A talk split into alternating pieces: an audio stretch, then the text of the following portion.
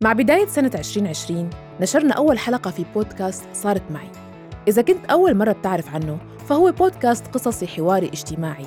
تسمع فيه تجارب أشخاص بخبرونا إياها بدون أي قيود وشروط. واليوم بعد مرور حوالي ثلاث سنوات أنتجنا خلالهم أكثر من 150 حلقة.